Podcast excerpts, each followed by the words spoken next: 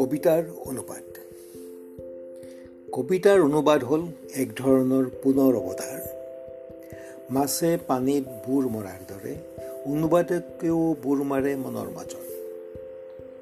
প্ৰতিটো শব্দৰ পাৰত ডাঠ বালিত প্ৰতিটো শামুকৰ খোলাৰ বৰণ অধ্যয়ন কৰি প্ৰতিটো শংখ ফুৱাই তেওঁ আঁঠু কাঢ়ি ৰয়। কবিতাৰ অনুবাদ হ'ল বিক্ৰমাদিত্যৰ শিৰ সলনিৰ অস্বস্তিকৰ কাহিনী। অনুবাদকে নিজৰ দেহত স্থাপন কৰে অন্য এজন কবিৰ শিৰ।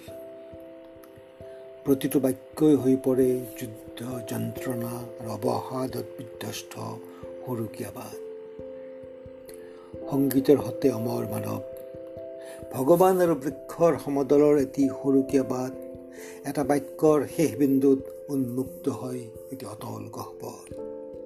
নিৰ্জনতাৰ এই ক্ষুদ্ৰ গভীৰ জলাশয়ত মৃতকৰ আত্মাই তৃষ্ণা নিৰ্বাপিত কৰে। সেই এই বাটেৰে অহাসকল অনুগ্ৰহ কৰি খুলি লওক জোতাযোৰ আৰু দেহবস্ত্ৰ ইয়াতেই থৈ যাওক। উদং দেহৰ মাজেৰেই আপোনালোক যাবগৈ। যেনেদৰে বতাহ পাৰ হৈ যায় উপত্যকাৰ মাজেৰে এদিন সপোন দেখিছিলোঁ মই অনুবাদ কৰিছোঁ নিজৰেই কবিতা মোৰ নিজস্ব ভাষালৈ। আমি প্ৰত্যেকেই অনুবাদ কৰোঁ প্ৰতিটো কবিতা নিজৰ ব্যক্তিগত ভাষালৈ আৰু তাৰ পাছত অৰ্থ বিচাৰি কাজিয়া কৰোঁ। মোৰ ভাৱ হয় কাহানিও ওৰ নপৰিব বহু ভাষাৰ সমস্যাৰৰ কোলাহলৰ।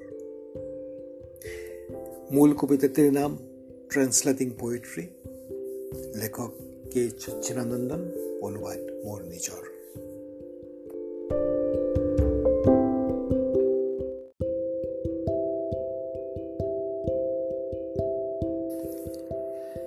কবিতাৰ অনুবাদ।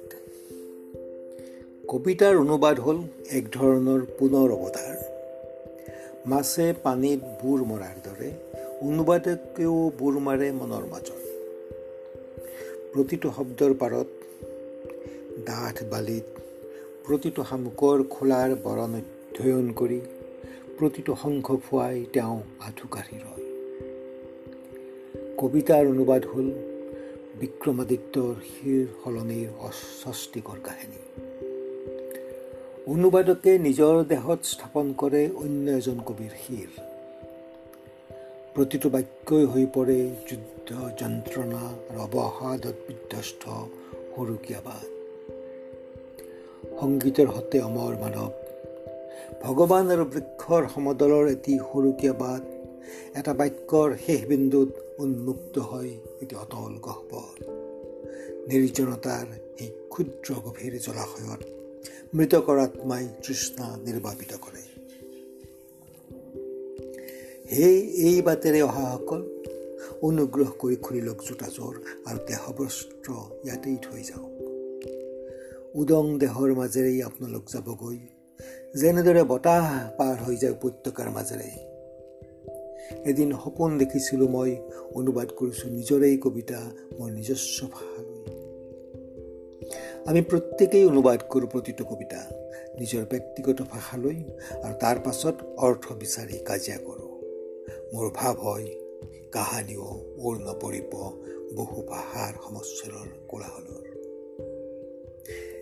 মূল কবিতাটিৰ নাম ট্ৰেন্সলেটিং পয়েট্ৰি লেখক কে সচ্চিদানন্দন অনুবাদ মোৰ নিজৰ